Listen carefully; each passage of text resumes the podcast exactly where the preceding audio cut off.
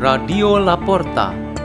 The door is open for you for the growing of knowledge and wisdom of God. Delivered by Father Peter Tukan SDB from Salesian Don Bosco, Gerak in Labuan Bajo, Sapuruteng, Indonesia.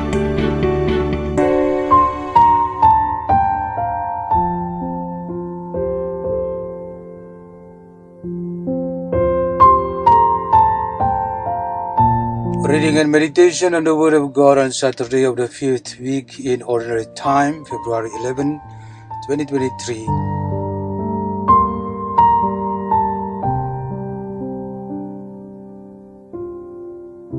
A reading from the book of Genesis, chapter 3, verses 9 to 24. The Lord God called to Adam and asked him, Where are you? He answered, I heard you in the garden but I was afraid because I was naked, so I hid myself. Then he asked, Who told you that you are naked? You have eaten then from the tree of which I had forbidden you to eat. The man replied, The woman whom you put here with me, she gave me fruit from the tree, and so I ate it. The Lord God then asked the woman, Why did you do such a thing? The woman answered, the serpent tricked me into it, so I ate it. And the Lord God said to the serpent, Because you have done this, you shall be banned from all the animals and from all the wild creatures. On your belly shall you crawl, and dirt shall you eat all the days of your life. I will put enmity between you and the woman, and between your offspring and hers. He will strike at your head, while you strike at his heel. To the woman he said, I will intensify the pangs of your childbearing. In pain shall you bring forth children, yet you urge shall be for your husband, and he shall be your master. To the man he said, Because you listened to your wife, and ate from the tree of which I had forbidden you to eat. Cursed be the ground because of you. In toil shall you eat its yield all the days of your life. Thorns and thistles bring forth to you, as you eat of the plants of the field. By the sweat of your face shall you get bread to eat, until you return to the ground from which you were taken, for you are dirt, and to dirt you shall return. The man called his wife Eve because she became the mother of all the living. For the man and his wife the Lord God made leather garments with which he clothed them. Then the Lord God said, See, the man has become like one of us, knowing what is good and what is evil. Therefore he must not be allowed to put out his hand to take fruit from the tree of life also, and thus eat of it and live forever. The Lord God therefore banished him from the Garden of Eden to till the ground from which he had been taken. When he expelled the man, he settled him east of the Garden of Eden, and he stationed the cherubim of the fiery resolving sword to guard the way to the tree of life. The word of the Lord.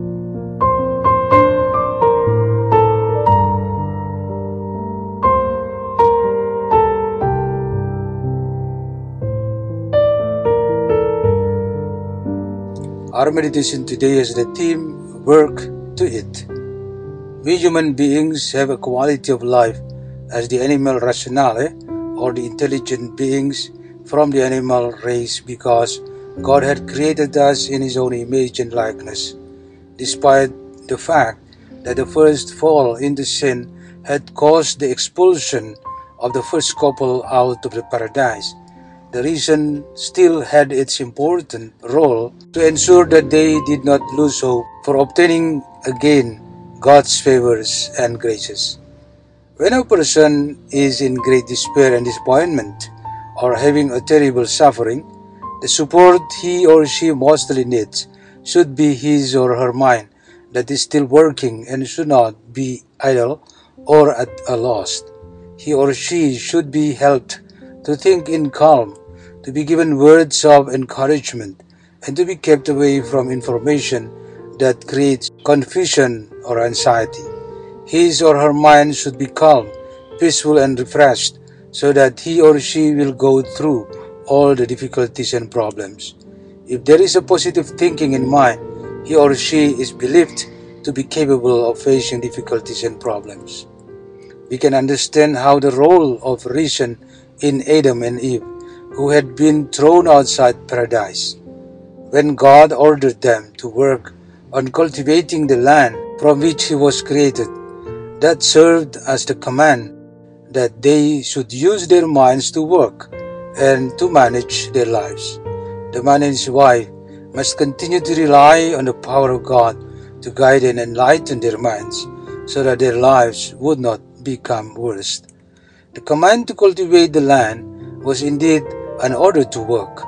Before Moses received the Ten Commandments from God on the Mount Sinai, the first couple had already received the commandment to work.